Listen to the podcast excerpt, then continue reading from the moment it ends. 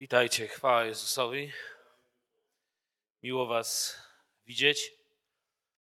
I jak już zostało zapowiedziane, chcemy wrócić z powrotem do naszego listu do Tesaloniczan i studiować to, co Paweł pisał do kościoła w Tesalonice, kiedy zachęcał ich do wiary, kiedy zachęcał ich do chodzenia za Panem Jezusem, kiedy zachęcał ich do tego, aby wytrwali.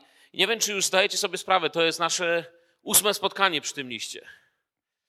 Już osiem razy się spotkaliśmy.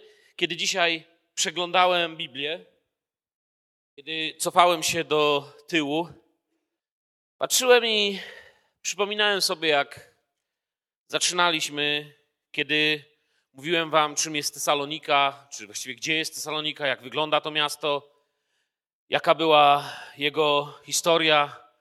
Mówiliśmy o tym, jak Paweł i nie tylko on, ale wiemy również, że Sylwanus, Sylwan jak wolimy, i Tymoteusz kierują te słowa, kierują to przesłanie do zborów Tesalonice z Koryntu. Mówiłem również o tym, że jest to jeden, tak się wyraziłem, z najstarszych dokumentów chrześcijaństwa, jaki istnieje, który byłby pierwszy, gdybyśmy według czasu ustawiali. I w pierwszych słowach Paweł pisze, kto jest autorem. W drugich kierował modlitwę wdzięczności za tych, do których pisał, do, za Kościół w Tesalonice. Wspominał, jak poznał ten Kościół, jak ich głosił im słowo. Również pamiętacie, być może z pierwszego, drugiego wykładu pokazywałem na tło, w jaki sposób w dziejach apostolskich mamy odniesienie do tego, co się wtedy działo i tak dalej. Później Paweł wspomina te początki, opowiada z wdzięcznością, mówi o swoich planach odwiedzin, mówi o swoim drżeniu o to, żeby wytrwali w prawdziwej nauce, mówi o swojej modlitwie, o swojej miłości wobec tych ludzi. I ostatnio zaczęliśmy już czwarty rozdział, przyszliśmy i mówił tutaj o wzajemnym takim trwaniu w nauce. Właściwie do tej pory były przywitania, podziękowania i napomnienia. Jakby to wszystko już było i teraz zadaję sobie pytanie, po co to wszystko było?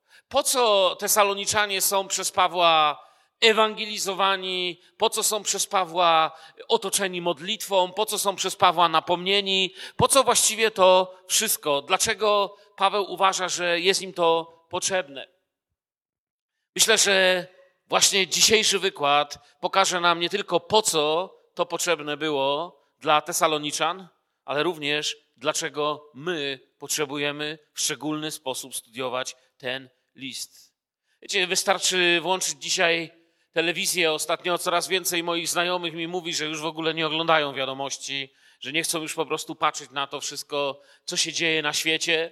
Ja osobiście ich bardzo dobrze rozumiem. Wiem, że to jest czas dla Kościoła, aby się bardziej modlić.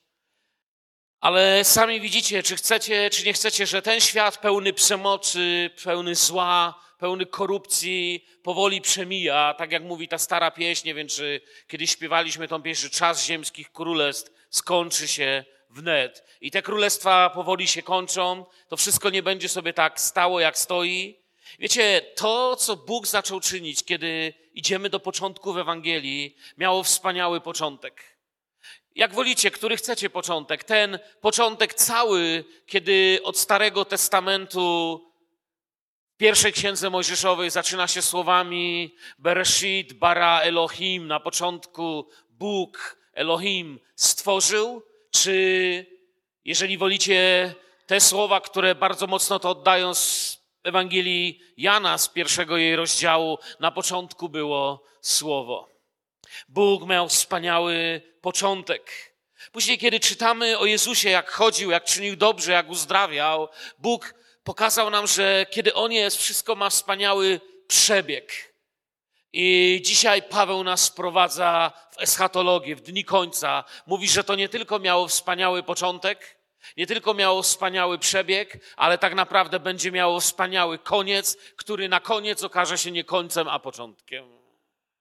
Kiedy Jezus skończył całe swoje dzieło, chociaż próbowali go zatrzymać faryzeusze, próbował go zatrzymać Herod, wrogowie, Różni ludzie próbowali go zatrzymywać. Jezus im powiedział, będę robił swoje. O Herodzie powiedział, przekażcie temu licowi. I powiedział wtedy, że on i tak będzie robił swoje. Jezus ogłaszał, że będzie chodził, nauczał, przekaże to, co ma od ojca wziąć, że zostanie zamordowany. Powiedział, że trzeciego dnia zmartwychwstanie i nikt nie mógł temu zapobiec. Kiedy zmartwychwstał, ukazał się swoim uczniom.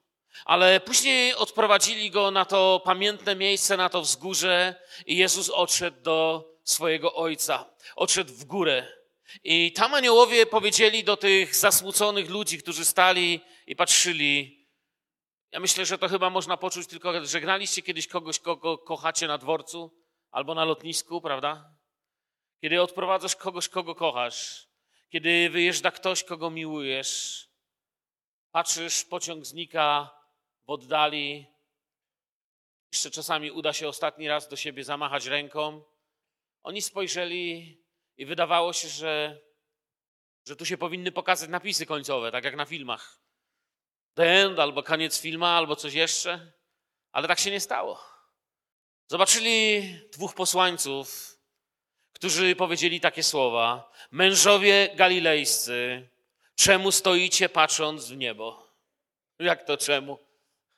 Jezus nam nam właśnie odszedł. Ale oni tego nie powiedzieli ze strachu. Nie powiedzieli nic, byli kompletnie zaskoczeni tym, co się dzieje. I dobrze, bo następne zdanie wniosło w Kościół nadzieję, w której święci przeszli przez ogień, koloseum, więzienia, gułagi, stawili czoło diabłu. Ten Jezus, który wzięty w górę do nieba, ten Jezus, który został wzięty w górę do nieba, tak przyjdzie jak go widzieliście idącego do nieba.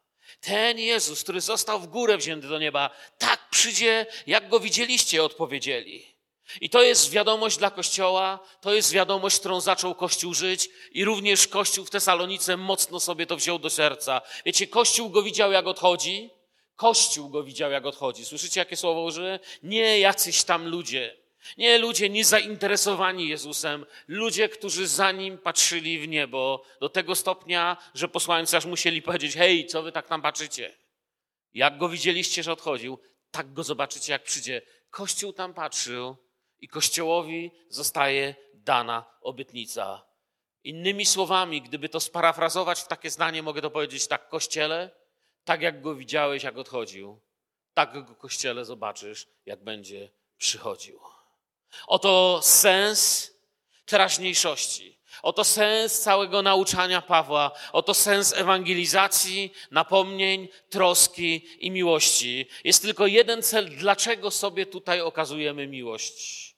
Miłość sobie okazujemy i uczymy się siebie kochać po to, żeby naśladować Jezusa, a naśladować Jezusa po to, aby stać się tymi, którzy wejdą do domu Ojca tymi, którzy przyjmą łaskę od Ojca, abyśmy byli ze sobą na wieki wieków, tam gdzie nie ma chorób, śmierci ani smutku. Amen? To jest cały sens istnienia Kościoła. Wiecie, czasami dzisiaj o tym zapomni i ludzie się schodzą tylko po to, żeby się schodzić, to nie ma żadnego sensu. I to jest sens teraźniejszości, sens na dziś, byśmy śledzili, co mówi to słowo, byśmy patrzyli w to słowo, bo Kościół go zobaczy, kiedy wstanie nowe jutro, kiedy wstanie nowy dzień. Pamiętam taką przepiękną pieśń, którą bardzo, bardzo lubiliśmy śpiewać przed laty, kiedy nowy dzień zaświta. I tak się rozpoczyna fragment do Tesaloniczan, który chciałem dzisiaj Wam czytać. Jesteśmy dalej w czwartym rozdziale. Może nie dosłownie słowami, kiedy nowy dzień zaświta, ale o to chodzi. O tym Paweł zaczyna mówić. Paweł mówi, to wszystko jest wspaniałe właśnie z powodu tego, do czego zmierzamy. I odkrywa pewien problem w Tesalonice również. Tesaloniczanie mają pewien problem, pewne zmartwienie. I o tym chciałbym dzisiaj w paru myślach zachęcić i Was do chodzenia z Jezusem. Od 13 wersetu idziemy dalej naszym tekstem, pierwszy list do Tesaloniczan. Nie chcemy też, bracia, abyście byli nieświadomi losu tych, którzy zasnęli. Nie musicie się smucić, jak ludzie bez nadziei. Otóż, jak wierzymy, że Jezus umarł i zmartwychwstał, tak też wierzymy, że Bóg przez Jezusa poprowadzi wraz z nim do wieczności tych, którzy zasnęli. To wam podajemy jako słowo pańskie. Słyszycie, co teraz przeczytałem? Usłyszeliście to jedno krótkie zdanie? Zwróćcie uwagę, celowo wam czytam z innego tłumaczenia, żeby tekst dla was brzmiał świeżo.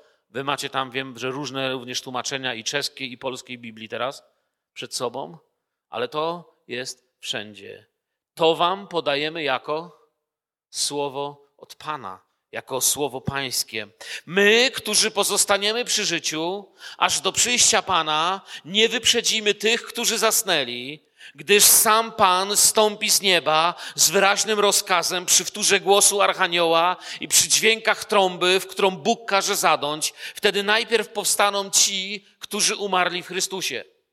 Potem my, którzy pozostaniemy przy życiu, razem z nimi zostaniemy porwani w obłokach, w powietrze, na spotkanie Pana. I tak już na zawsze z nim pozostaniemy. Tymi słowami dodawajcie sobie otuchy. Bardzo mi się podoba ten werset w tłumaczeniu Biblii Warszawskiej. Przeto pocieszajcie się tymi słowy. Jak już powiedziałem, były przywitania, była radość, była wdzięczność, napomnienia, pouczenia, ale wszystko to po co? Właśnie po to, o czym mówi ten fragment. To jest to, do czego jako Kościół zmierzamy. Oto słowo pańskie mówi nam apostoł, kiedy nas naucza. Jest w Biblii, ale Wiecie, cała Biblia to jest słowo pańskie i to jest w Biblii, ale jeszcze niesie z sobą jakby dodatkowe pouczenie, jakby takie dodatkowe zaprawdę, zaprawdę powiadam wam. Oto słowo pańskie jest podane jako informacja od Boga dla Kościoła. Czyli innymi słowami, zamiast tam napisać oto słowo pańskie, mógłbym tam napisać oto informację od Ducha Świętego dla was, Kościele. Bóg chce, byście to wiedzieli. Oto słowo pańskie. Wchodzimy w dni ostateczne. I pierwsze, co chce apostoł powiedzieć, to nie jest problemem Tesaloniczan, ich problem jest inny, ale pierwsze, co chce powiedzieć, że koniec świata to nie jest koniec świata dla Kościoła. To, co się wali, to nie nasze się wali. Cudze się wali, nasze stoi, nasze ma się coraz lepiej i nasze nadchodzi. To nie jest koniec świata dla Kościoła. Paweł opisuje tutaj naszą ostatnią przeprowadzkę. Kto z Was się kiedyś przeprowadzał? To jest koszmar, nie? Wiecie, Paweł opisuje naszą ostatnią przeprowadzkę i chwała Jezusowi bez żadnych pudeł. Żadnych pudełek więcej. Niczego nie trzeba mieć. Kto się nie przeprowadzał, nic nie stracił, uwierzcie mi. Wszystko się niszczy, co dla was cenne. Nic nie można znaleźć. Tylko dzisiaj żona mi powiedziała, że dzieciom kazali coś do szkoły, przyniosła płótno to było. Ona mówi, w starym domu ja wiedziałam, gdzie to było, ale teraz nie wiem, gdzie jest. Gdzieś w którymś z pudleł. Nie wiadomo, co robić, kiedy się człowiek przeprowadza. Zabiera chwilę, zanim się do siebie dojdzie. Ale Paweł mówi, to będzie ostatnia nasza przeprowadzka. Już bez tych pudeł oczywiście, ja sobie dodaję dla siebie, dla pocieszenia. Wszystko, co potrzebne, będzie nam przygotowane. Wiecie, dlaczego nie będziemy potrzebowali żadnych pudeł? Bo w tych pudłach to mamy najczęściej co? Ubrania, rzeczy, nie wiem, czasem lekarstwa, czasem buty, czasem coś jeszcze. A tam nie potrzeba ani butów, ani ubrań, ani lekarstw, bo ani śmierci nie będzie, ani chłodu, ani zimna, ani smutku. Nie trzeba będzie niczego oprócz tej białej szaty sprawiedliwości, którą i tak da nam sam Pan. Paweł opisuje tą ostatnią przeprowadzkę i wiecie, Biblia nieczęsto, właściwie prawie nigdy nie podaje stanu człowieka jako stały. Kiedy człowiek coś robi, Biblia zawsze mówi, że to jest przemijające. Pan Jezus bardzo dobrze o tym powiedział, że jeżeli sobie zbieramy jakieś dobra, to chciał nas pouczyć, byśmy wiedzieli, że tutaj kradną złodzieje, tutaj rdzewieje, tutaj może się zniszczyć. Ale tutaj Biblia mówi coś pięknego. Tutaj zaczyna mówić o stanie, który jest niezmienny, o stanie, o którym nigdzie innie, indziej w światowym czy na powierzchni tej planety, tego świata nie mówi bo nic tutaj nie jest stałe, wszystko ulega zniszczeniu, dopóki nie będzie wszystko uwielbione przez ten ostatni dzień. I wiecie, starzejemy się, przechodzimy przez wojny, choroby, nic nie jest stałe, wiemy, że nie zawsze tak będzie. Kiedy patrzymy na dzisiejsze, dzisiaj bym wam pokazał zdjęcia wasze ze szkoły, powiedzielibyście szok. Niektórzy się dziwią, że ich ktoś jeszcze pozna na tym miejscu, ale gdybyśmy dziś zrobili zdjęcie i zobaczyli za 20 lat, jeszcze bardziej byście się dziwili. Wszystko przemija, ale dojdziemy do takiego miejsca, mówi nam Słowo Boże, gdzie już na zawsze z Nim zostaniemy. Gdzie otrzymamy to, co nieprzemijające, to, co nie niszczy się, to, co się nie traci. Już nam nikt nic nie zabierze. Wiecie, jakiś czas temu, już parę lat temu, czytałem w takiej gazecie o pożarze jednej kamienicy w Polsce. I strażacy znaleźli tam kobietę, która spłonęła, mieszkająkę jednej z, tych, z, takich, z, takiej, z takiej izdebki pod dachem. Wiecie, ta kobieta, ludzie się dziwili, że tam się znalazła, ponieważ wszyscy myśleli, że wybiegła. Potem się okazało, że ta kobieta wybiegła, ale wróciła, bo uważała, że jeszcze zdąży. Miała gdzieś pod podłogą schowane jakieś oszczędności. Po prostu tak mocno trzymała się swoich oszczędności, że straciła życie. Ja, ja ją rozumiem, nie oceniam jej, ale pomyślałem sobie zupełnie w inny sposób o sobie samym. Wiele rzeczy na tym świecie inwestujemy i robimy. I proszę Boga o mądrość, Panie, nigdy bym się nie chciał trzymać tak mocno tego świata, żebyś miał problem mnie od niego oderwać. Nigdy bym się nie chciał do niego tak przyssać, żebyś mnie musiał oderwać. Czy jak byliśmy mali i łapaliśmy w wannie karpie, które tata przynosił na święta, to jeszcze kiedyś ryby to były prawdziwe ryby, takie z jeziora. I na tych rybach były pijawki. Ja wiem, że dzisiaj nie wiecie, co to jest pijawka, bo to chyba już wyginęło. Ale naturalne ryby miały pijawki. I kiedy się tą pijawkę próbowało oderwać, to wiecie, tak się ją ciągło, że w końcu łeb się jej urwało, a się oderwać nie dało. Zostawała na rybie, ponieważ tak się przyssała, że nie umiała się odessać. I czasem my, wierzący, tak się możemy przystać do tego świata, że głowy by nam musiało urwać. Ale Paweł nas zachęca, Słowo Boże nas zachęca, abyśmy nie byli tak przystani. I to jest ten tekst, który chciałbym dzisiaj wieść. Wiecie, już nam nikt nic nie zabierze, a więc już niczego nie musimy trzymać. Kiedy coś ci obiecują, to nie musisz niczego zabierać. Dzisiaj pamiętam, kiedyś wyjeżdżałem daleko za granicę do Stanów i tam Polacy mnie poprosili, abym zabrał książki, ale te książki ważyły tyle, że nie mogłem już nic innego zabrać.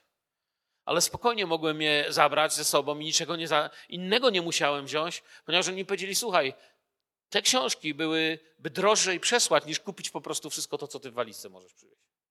Rozumiecie? Bóg wam mówi, to wszystko, co tu trzymasz, nie jest warte, żebyś to zabierał.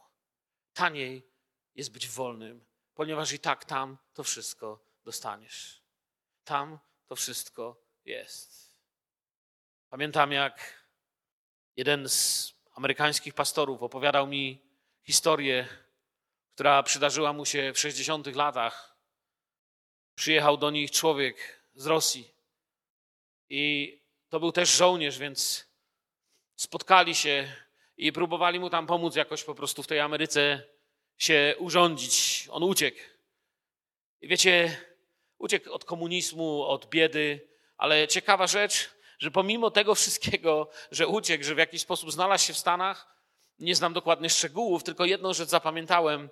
Wiecie, pół walizki tego człowieka to były konserwy, które musieli wyrzucić do kosza.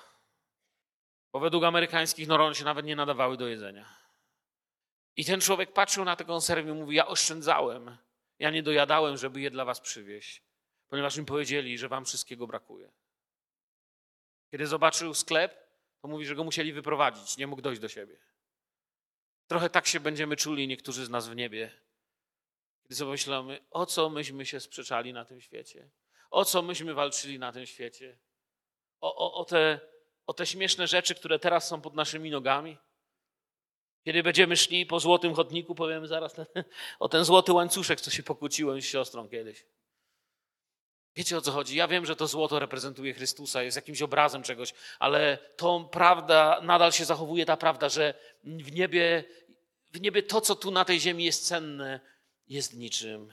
Tam nam nikt nas już nic niczego nie zabierze. I Paweł mówi jasno, że czegoś nie chce również. Że jest stan, w którym trwa Kościół w Tesalonice, w którym wcale nie musiałby trwać, i Paweł od nich takiego stanu nie chce. I może powrócimy do Słowa Bożego, wróćmy z powrotem do tekstu. On pisze do nich tak: Nie chcemy też, bracia, kto nie chce, Paweł, Sylwan, Tymoteusz, ci, którzy modlą się o Kościół, ci, którzy błogosławią Tesaloniczan. Nie chcemy też, bracia, abyście byli nieświadomi losu tych, którzy zasnęli. Czyli pierwsze pytanie jest, Tesaloniczanie nie za bardzo wiedzą, co się stało z tymi, których odprowadzili na cmentarz, krótko mówiąc, albo którzy umarli. I, i, I smucą się, no bo mówią, teraz właściwie to już nie wiemy, jak to będzie. Nie musicie się smucić, jak ludzie bez nadziei. Zwróćcie uwagę, że to słowo mówi coś, czego też nie mówi. Nie jest to tu powiedziane, ale jest powiedziane. Nie musicie się smucić, jak ludzie bez nadziei. Czyli ludzie bez nadziei muszą się smucić i smuczą się. To jest coś, co widzę z tego tekstu też, oprócz tego, co on mówi. Otóż jak wierzymy, że Jezus umarł i zmartwychwstał, tak też wierzymy, że Bóg przez Jezusa poprowadzi wraz z Nim do wieczności tych, którzy zasnęli. To wam podajemy jako słowo pańskie. My, którzy pozostaniemy przy życiu aż do przyjścia Pana, nie wyprzedzimy tych, którzy zasnęli. W początku, gdy wspominamy tych, których nie ma. Nie ma chyba na tej sali dzisiaj kogoś z Was, kto choćby raz w życiu nie rozpłakał się na cmentarzu albo nad grobem kogoś, kogo kochał. Czasami możemy pomyśleć, to jest wstyd, przecież my jesteśmy wierzący. Wiecie, Jezus też czasami płakał. Gdy wspominamy tych, których nie ma, gdy wspominamy tych, których nam brakuje, których pochowaliśmy. Kiedy ja sobie sam przypomnę miejsca, gdzie prowadziłem pogrzeby, tyle tych pogrzebów prowadziłem, najczęściej, najczęściej ludzi, których znałem, z którymi byłem blisko, bo tak to działa. Ci, którzy nas kochali, odprowadzają nas. I tutaj w taką ziemską rzeczywistość naszych wspomnień z cmentarza, naszego żalu za tymi, co odeszli, naszego zastanawiania się, gdzie oni są teraz, co się właściwie z tym wszystkim dzieje, jak to będzie, wdziera się taki Boży głos i Bóg, Duch Święty zaczyna do nas mówić przez Słowo Boże i mówi do nas i do Tesaloniczan, mówi posłuchajcie, to nie jest tak, jak myślicie. Nie chcę, byście się musieli martwić, byście się musieli smucić. Nie chcę, byście byli w niewiedzy. Nie chcę, byście byli w niewiedzy, abyście byli nieświadomi. Wiecie, to mi się podoba. Apostoł walczy, by nie było w kościele jakiejkolwiek niewiedzy, nieświadomości. Wiecie, wszystkie religijne sekty, religijne tajne stowarzyszenia, oni lubią mruczeć pod nosem i mieć mnóstwo misteriów, tajemnic. To jest tajemnica, tam to jest tajemnica, to się dowiesz po 20 latach, a to może nigdy się nie dowiesz. Ale Bóg mówi tutaj, słuchajcie, ja nie chcę, żebyście byli nieświadomi. Chcę, żebyście byli świadomi. Nie chcę żadnej niewiedzy pośród was żadnych dziwnych tajemnic, ponieważ ja jestem światłością. Chcę, abyście w światłości chodzili i wiedzieli, co się dzieje, co się będzie działo. Kościół jest inny. Niewiedza braci, która rodzi strach, nie jest tym, co Bóg chce. Kościół jest zgromadzeniem miłości. Bóg zgromadza ludzi z powodu miłości, a nie z powodu strachu. Pan nie chce, byśmy się zgromadzili z powodu tego, że wszyscy strasznie boimy się iść do piekła. Chciałbyś żeby twoja żona była twoją żoną tylko dlatego, że nie chciała być starą panną? Chciałbyś, by Bóg miał kościół tylko dlatego, że ileś milionów ludzi nazywa się świętymi tylko z tego powodu, że bali się, żeby nie pójść do piekła? Bóg chce, abyśmy Go kochali, abyśmy Go miłowali. I nie jest zainteresowany niewiedzą, w której będziemy drżeć i bać się o to, co się dzieje tam, kiedy przychodzimy na drugą stronę. Niewiedza rodzi raczej niepokój, niewiarę i nadzieję. Wiecie, Kościół, po pierwsze, Duch Święty zaczyna nam mówić, nigdy nie będzie się dzielił. Kościół nie zostanie podzielony na tych, co umarli i nie umarli. Przynajmniej tutaj. Bo ludzie się będą na takich dzielić, ale nie Kościół. Paweł nie chce, by nadziei w Jezusie towarzyszyła jakaś beznadzieja. Bóg nie chce, krótko mówiąc, aby ktoś z nas, wierzących, musiał powiedzieć, wiesz, mam nadzieję w Panu Jezusie, ale w związku z moją nadzieją w Jezusie beznadziejne jest to, jak to jest zrobione. No. Tu nie ma żadnej beznadziei. Popatrzmy na Tesalonikę teraz. Wierzący w Tesalonice martwili się, że nie zobaczą Pana, jak przychodzi, ponieważ nie wszyscy tego dożyją. Martwili się, którzy będą pierwsi, jak to będzie. Tak bardzo chcieli zobaczyć Pana, że zapomnieli o tym, jak bardzo chcą żyć. Właściwie ich problemem już nie było, czy żyją, czy nie żyją, tylko zobaczyć Pana. Wszyscy zobaczymy Jezusa, jak przychodzi, mówi do nich apostoł. Nie martwcie się przyszłością, żyjcie prawdziwie dzisiaj, żyjcie prawdziwie dziś. Nigdy nie zapomnę, jak mój mentor, mój przyjaciel, estoński pastor, pastor Georg często do mnie mówił. Mówi, słuchaj, fizycznie masz żyć tak, jakby Jezus miał nigdy nie przyjść. Duchowo masz żyć tak, jakby miał przyjść za sekundę. Fizycznie żyj, jakby nigdy miał nie przyjść. Zasiewajcie pola, pracujcie uczciwie, budujcie, róbcie swoją robotę solidnie i dobrze. Zawsze nas tak uczył i to we mnie wsiąkło. Żyj na każdym miejscu, tak jakby to było twoje miejsce na zawsze. Pracuj dawaj z siebie wszystko. I, I tak misjonarze żyją. Ale duchowo nigdy nie myśl, że mam czas do jutra żyć byle jak. Duchowo nigdy nie myśl. Lepiej, żebyś nie zdążył odpakować walizki w nowym miejscu, gdzie pośle cię Pan, niż gdybyś nie zdążył wyznać grzechów, które obciążają Twoją duszę. Wszyscy zobaczymy Jezusa, jak przychodzi, mówi Paweł teraz do kościoła. I wiecie, to jest dziwne. Paweł pisze, że oni się tym martwią. Zaczyna ich zachęcać, żeby zaczęli prawdziwie ży dzisiaj żyć dla Pana. I wiecie, widzę, że nawet tak pozornie, sprawiedliwie wyglądający smutek, no bo to taki wydawałoby się pobożny smutek, nie jest tym, co Bóg chce widzieć w naszym życiu. Nie musimy się smucić tym, co zrobi Bóg, mówi Paweł. Krótko mówiąc, Paweł mówi: Ja nie chcę, żebyście się musieli smucić tym, co ma zrobić Pan Bóg. Wiecie, w tamtym czasie, kiedy on pisze te słowa, musicie pamiętać, chrześcijanie płacili życiem za swoją wiarę. W tamtym czasie chrześcijanie płacili życiem za swoją wiarę. Wierzyli w radość, którą ma dla nich Pan. Oni wierzyli w Pana, to nie był ich problem. I, ale apostoł zobaczył, że ktoś próbuje zabrać im pełnię pokoju, ktoś próbuje im coś wziąć, że zło próbuje wtargnąć się jakby tylnymi drzwiami i nie pozwoli im tego zabrać. Wiecie, wróg chce, aby Kościół martwił się tym, co zrobi Pan Bóg.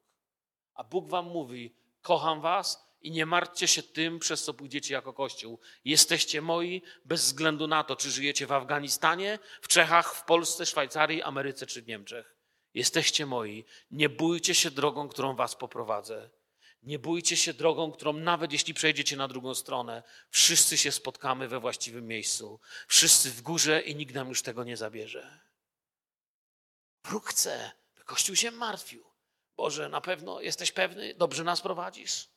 Wiecie, smutek od Pana prowadzi zawsze do pokuty, ale smutek od wroga prowadzi do niewiary i do strachu i do zupełnego rozpadu tego, co wydawało się naszą skałą.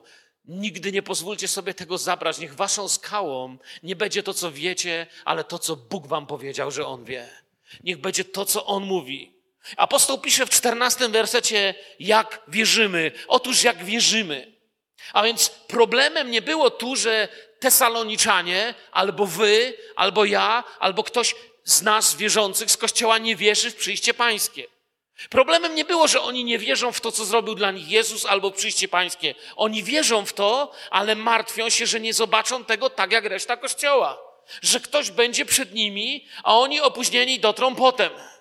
Nie wiem, jak sobie to wyobrażali, może sobie wyobrażali, że dobiegną, wiecie, zasapani już nie będzie dostępu, już będzie tylu stało, nie wiem. Ale dla nich każda sekunda, gdy on przyjdzie, jest ważna. Wiecie, tak się myśli, kiedy się kogoś bardzo kocha, tak?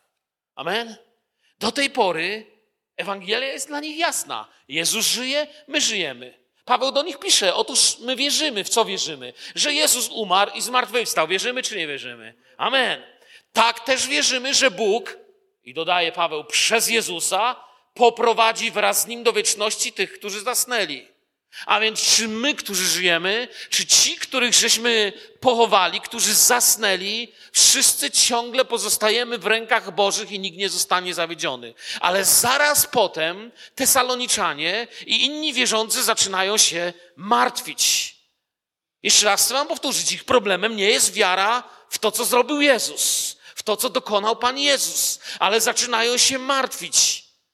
Dlatego w szczególny sposób apostoł O tym wszystkim odpowiada ogólnie, ale kiedy przychodzi do sedna odpowiedzi, mówi, że to jest słowo od Pana, słowo pańskie. My, którzy pozostaniemy przy życiu, on pisał o sobie my, dlatego że wiecie, Kościół wierzył wtedy tak samo, jak ma wierzyć dziś, że Pan Jezus może przyjść, zanim skończy dzisiejsze nauczanie słowa.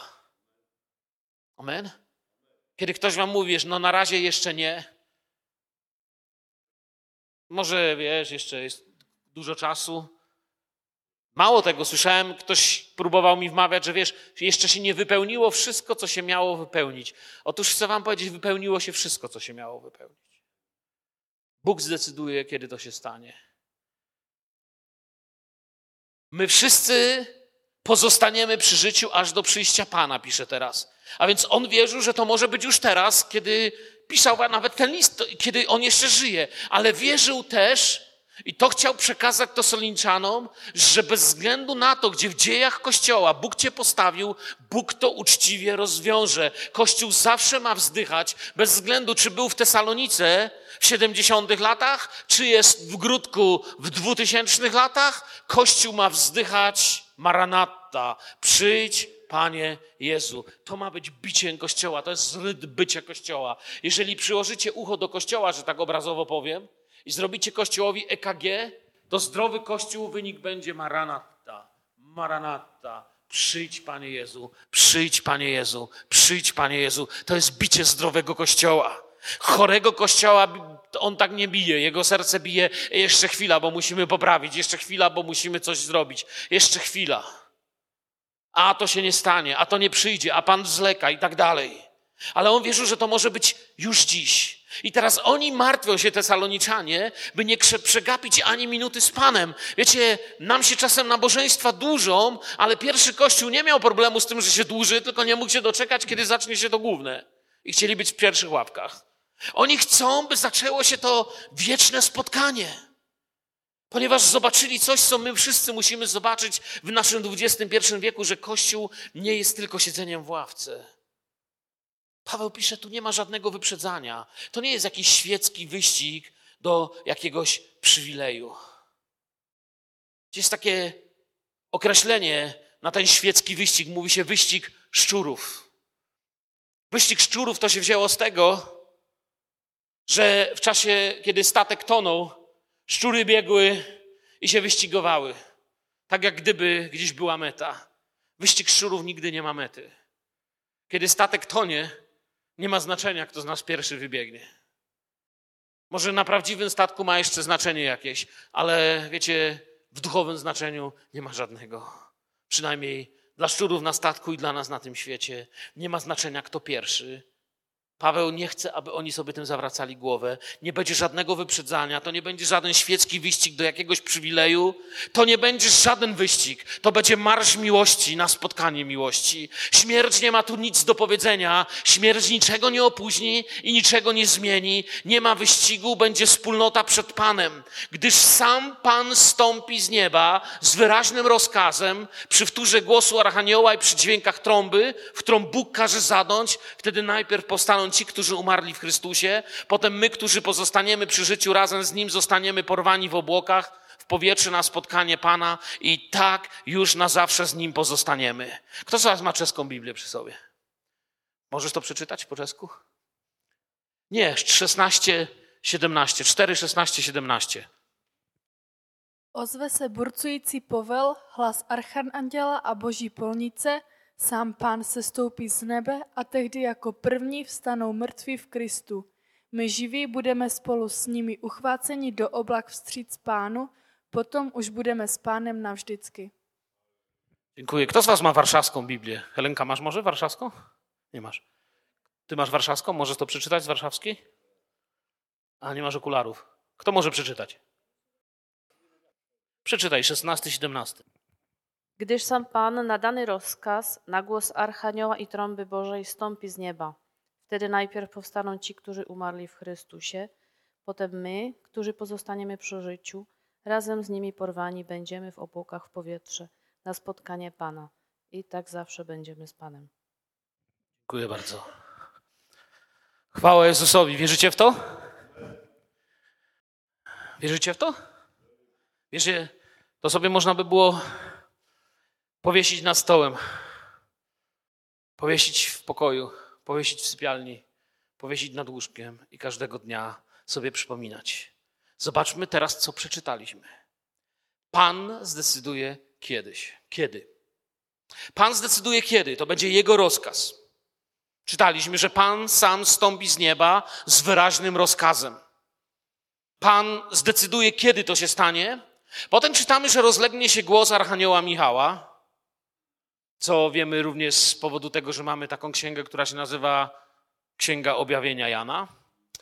I trąba nie zacznie, nie zadmie wcześniej, zanim to się nie stanie. Wtedy najpierw powstaną ci, którzy umarli w Chrystusie. Ci, którzy się ba, ba, bali, że umierają i nie dożyją, bo Tesaloniczanie wierzyli, że to się stanie już jutro i każdy z nich chciał być przy życiu, żeby tego dożyć. A tutaj niektórym się nie udało i się martwili. I pojawili się tacy wśród którzy zaczęli się martwić. No tak, my się pocieszamy, że to za naszego życia. Włosy siwieją, ladu bywa, Rzymianie prześladują, nasi giną, Kościół jest zażynany, prześladowany, ścigany jak bezpański pies po całym świecie.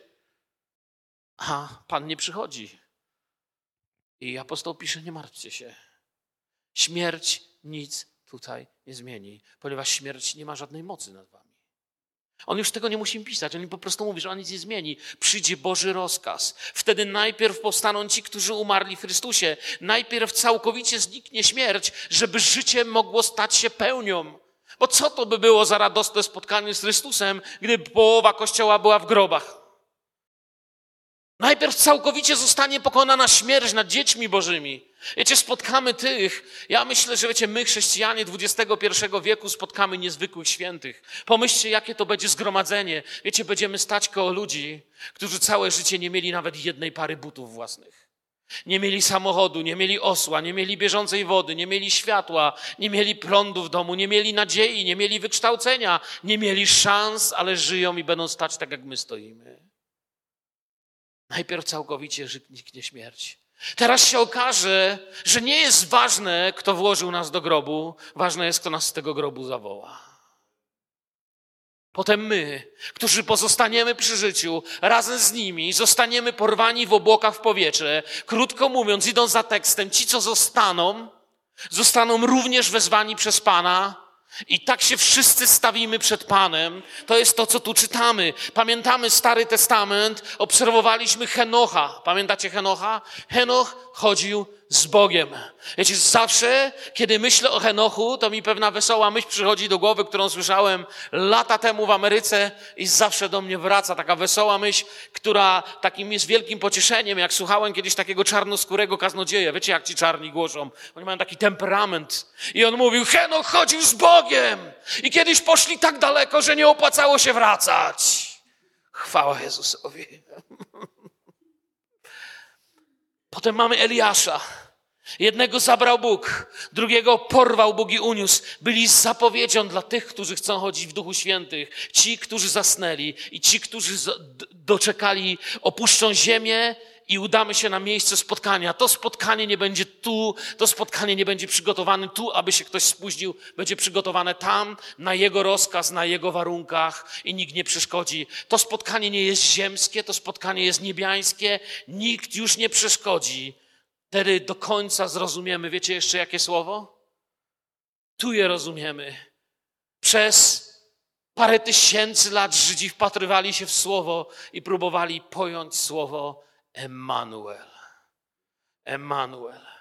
Potem, kiedy przyszło Betleje, troszeczkę lepiej zrozumieliśmy słowo Emmanuel. Ja myślę, że kiedy Kościół tam koło niego się zbierze, kiedy śmierci nie będzie, kiedy Bóg pokona śmierć, do końca zrozumiemy pełne znaczenie słowa Emmanuel. A to to właśnie to znaczy. I Biblia mówi, i wiecie co? Już nie będzie dzwonka na przerwę. Już nikt nagle nie powie, przepraszam, przerwi, musicie przerwać, jakieś ważne rzeczy się dzieją na świecie. Nie. I tak już na zawsze z Nim pozostaniemy. Te słowa, wiecie, na zawsze z Nim. Nie wiem, czy pamiętacie jeszcze, jak byliście w przedszkolu. Czasami, kiedy byliśmy w przedszkolu, kiedy byliśmy mali, to na przykład jeden chłopiec drugiemu chłopcu dawał jakąś zabawkę. Kiedy mu się dawało tą zabawkę? To myśmy się zawsze pytali, a to na zawsze? Pamiętacie to czy nie? Nie? A to na zawsze? No, na zawsze. Gdzie nie wiem, gdzie są moje wszystkie zabawki, które dostałem na zawsze, ale wiem, gdzie jest moje życie wieczne, które dostałem na zawsze. Jest moje serce, bije dla Jezusa. Na zawsze z Nim. Bycie świętym zaczynamy tu dostrzegać nie jako obowiązek, zaczynamy je dostrzegać jako przywilej. Wiecie, bo czasem patrzymy na świętość jak na taki rodzaj trudnej wegetacji, trudnego trwania. Ale tutaj Bóg nam pokazuje, że świętość jest rodzajem oddychania. Świętość jest po prostu rodzajem odcięcia, oddzielenia się. Wiecie, święte znaczy oddzielony. Jest takim odcięciem się od rzeczy tego świata. Bądźcie świętymi, ja jestem święty. Krótko mówiąc, Bóg mówi, nie miejcie nic wspólnego z tym. Ja też nie mam. Popatrzmy na świętość w ten sposób. Wiecie, życie wielu ludzi w cywilizacji Ziemi wejdzie na końcowy ślepy tor. Kiedy Kościół zostanie stąd zabrany, ja bym nie chciał być świadkiem tego, co tu się będzie działo. Nie za dużo o tym opowiadam. Wiecie, ja wiem, że mam za mało czasu dzisiaj, żeby poruszyć wszystkie aspekty pochwycenia, wszystkie sposoby widzenia tego przez biblistów i przez teologów. Bylibyście zaskoczeni, ile ludzie zobaczyli i na ile sposobów to widzą. Ja się dziś nie chcę o to sprzeczać, nie chcę wam tu wykładać takiego, takiego, takiego, takiego poglądu na to, jak Kościół się spotka z Jezusem. Uważam, że to jest niepotrzebne. Nie chcę również mówić, bo ktoś zawsze, wiecie, wyskakuje, czy to będzie przed wielkim prześladowaniem, w czasie wielkiego prześladowania, po wielkim prześladowaniu. Ja mogę mieć swoje poglądy, ale moja odpowiedź zawsze jest taka: nie kłóćcie się o to, co nieważne, ponieważ nie trzeba mieć w tej dziedzinie racji. Jeśli chodzi o zabranie kościoła przez Pana, nie trzeba mieć racji, ale trzeba być gotowym. Nie musisz mieć racji. Wiecie, jeżeli to się stanie przed wielkim prześladowaniem, to ci, co wierzyli, że stanie się poniewierze, że pójdą przed wielki tron z pretensjami, że za szybko. Jeżeli się stanie w czasie albo po, to wtedy będziemy lepiej zrozumieć te słowa, kiedy święci wzdychają, aby Pan to zakończył. Ja nie wiem, jest wiele sposobów wyjaśnienia tego. Nie chcę w to dziś chodzić. Chcę dzisiaj, żeby ta lekcja biblijna była dla Was zachętą. Nie, abyście wiedzieli, kiedy to się stanie, bo o porach i czasach nie ma sensu mówić, pisze apostoł, ale abyście byli gotowi. Abyś był gotowy. Wiecie co, nie ma znaczenia, czy tam na dole pociąg przyjeżdża dzisiaj o 20, 20.05 czy 20.30, dopóki się nie ruszysz i nie pójdziesz na stację. Ważne, żebyś tam był, kiedy będzie. I Pan się o to postara. Tu świętość ma sens, jeśli tego nie widzieliśmy wcześniej. Świat się wali, ale to, co jest święte, oddzielone, nie wali się. W nim pozostaniemy. Czas przyszły, będziemy z nim tam. Tam, gdzie świat mówi, że nastąpi koniec, Kościół nagle odkryje, że to tak naprawdę dopiero początek. Wiecie, wszystko w Twoim i moim życiu rozpoczęło się od pewnego dnia przy nawróceniu. Wszystko to wzrasta każdego dnia. Przygoda z Bogiem. Posłuchajcie mnie, przyjaciele. Przygoda z Bogiem, Twoja przygoda z Bogiem. Jesteś częścią wspaniałej przygody. Jesteś dzieckiem Bożym powołanym, aby na zawsze być z Bogiem. Przygoda z Bogiem to nie jest coś, co kiedyś będziemy wspominać. To jest coś, co nigdy się nie skończy. Wiesz o tym? Stałeś się wierzących i temu nie ma końca. To nie jest coś, co kiedyś doprowadzisz do końca. To życie, ten namiot się rozleci, ale przygoda z Bogiem nie, nigdy nie dojdzie do końca. To wszystko będzie wzrastać. I dlatego Paweł kończy osiemnastym wersetem tymi słowami: dodawajcie sobie otuchy, albo przeto pocieszajcie się tymi słowy. A czy pamiętacie, jak zaczynał się fragment, który dziś czytaliśmy? Tego słowa, które dziś studujemy, tylko tych wersetów. On tam napisał co? Nie musicie się smucić, jak ludzie bez nadziei bo oni się smucili z powodu tego, jak to będzie z tym przyjściem. Że może to nie będzie dla każdego tak, jakby miało być. Nie musicie się smucić. Duch Święty mówi: przyjmijcie to jako słowo Pańskie i od tej pory przestańcie się tym martwić. Od tej pory moje przyjście już nie jest waszym smutkiem, jest waszym pocieszeniem. Przeto pocieszajcie się tymi słowy. Od tej pory się tym pocieszacie. Koniec smutku. Kończy się słowami o pocieszeniu, o dodawaniu sobie otuchy. Gdyż jak błyskawica pojawia się od wschodu i jaśnieje aż na zachód, tak będzie z przyjściem Syna Człowieczego. Bracie i siostro, powinniśmy sobie zadać pytanie, my jako Kościół, Czy jesteś gotowy, gdyby Pan Jezus przyszedł dzisiaj? Czy pojednałeś się z tymi, z którymi coś między Tobą jest nie tak? Czy potrafisz błogosławić i modlić się o swoich wrogów? Czy potrafisz uwierzyć, że Słowo Boże mówi prawdę? Czy naprawdę nie chcesz zrezygnować z powodu zatwardziałości swojego serca, tego, że nie potrafisz wybaczać, tego, że nie potrafisz przepuścić komuś coś, co zrobił, jego błędów, tego, że masz twarde serce? Czy naprawdę wejść chcesz w to, w co wejdzie świat, co się zacznie po tym, kiedy Kościół będzie miał najpiękniejszy czas? Czy naprawdę chcesz połączyć swój los z tym światem? Kościół nie jest tu dla religijnej rozrywki.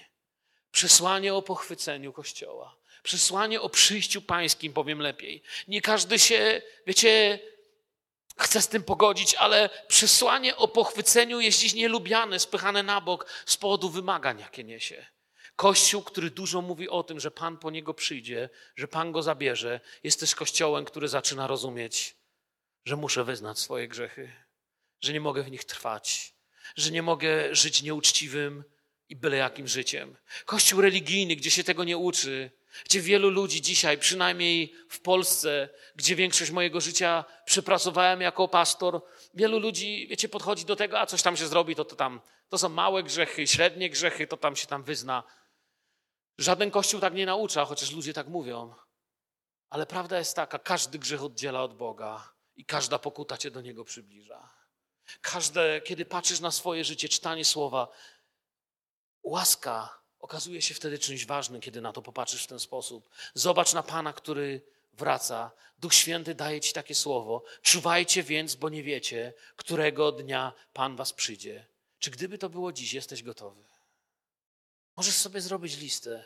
Czy mógłbym podejść do każdego człowieka i podać mu rękę? Czy przeprosiłem każdego człowieka, któremu sprawdziłem przykrość? Religia zadaje pytanie, czy jestem doskonały. Nie, nie jestem doskonały. Bóg mnie nie pyta, czy jestem doskonały. Bóg mi nigdzie nie kazuje, abym był drugim Bogiem. Bóg mi mówi, żebym go naśladował, był podobny do niego, a wszystko ma początek w tym, że mogę wyznać moje grzechy i uczyć się żyć tak jak Pan Jezus. Wiecie, Kościół Jezusa wierzy. W swoim czasie zobaczyłem jedną z najbardziej niezwykłych książek ja wiem, że zauważyliście, że tytuł jest w języku angielskim Beginning of the End. Wiecie, co w tej książce jest niezwykłego? Ta książka opowiada o tym, co Jezus dla nas zrobił. Opowiada, jak Jezus nas zbawił na Golgocie, jak przygotował sobie Kościół i że przyjdzie po swój Kościół. Ale pierwszy raz w tej książce, parę lat temu, zobaczyłem coś, co nigdy w żadnej innej książce do tej pory nie widziałem co pokazało mi, w jakich czasach żyję. A mianowicie, kiedy studiowałem tę książkę i otwarłem ją, to większość książek ma wstęp. Zgadza się? Książki mają wstęp. Ta książka jest niezwykle napisana.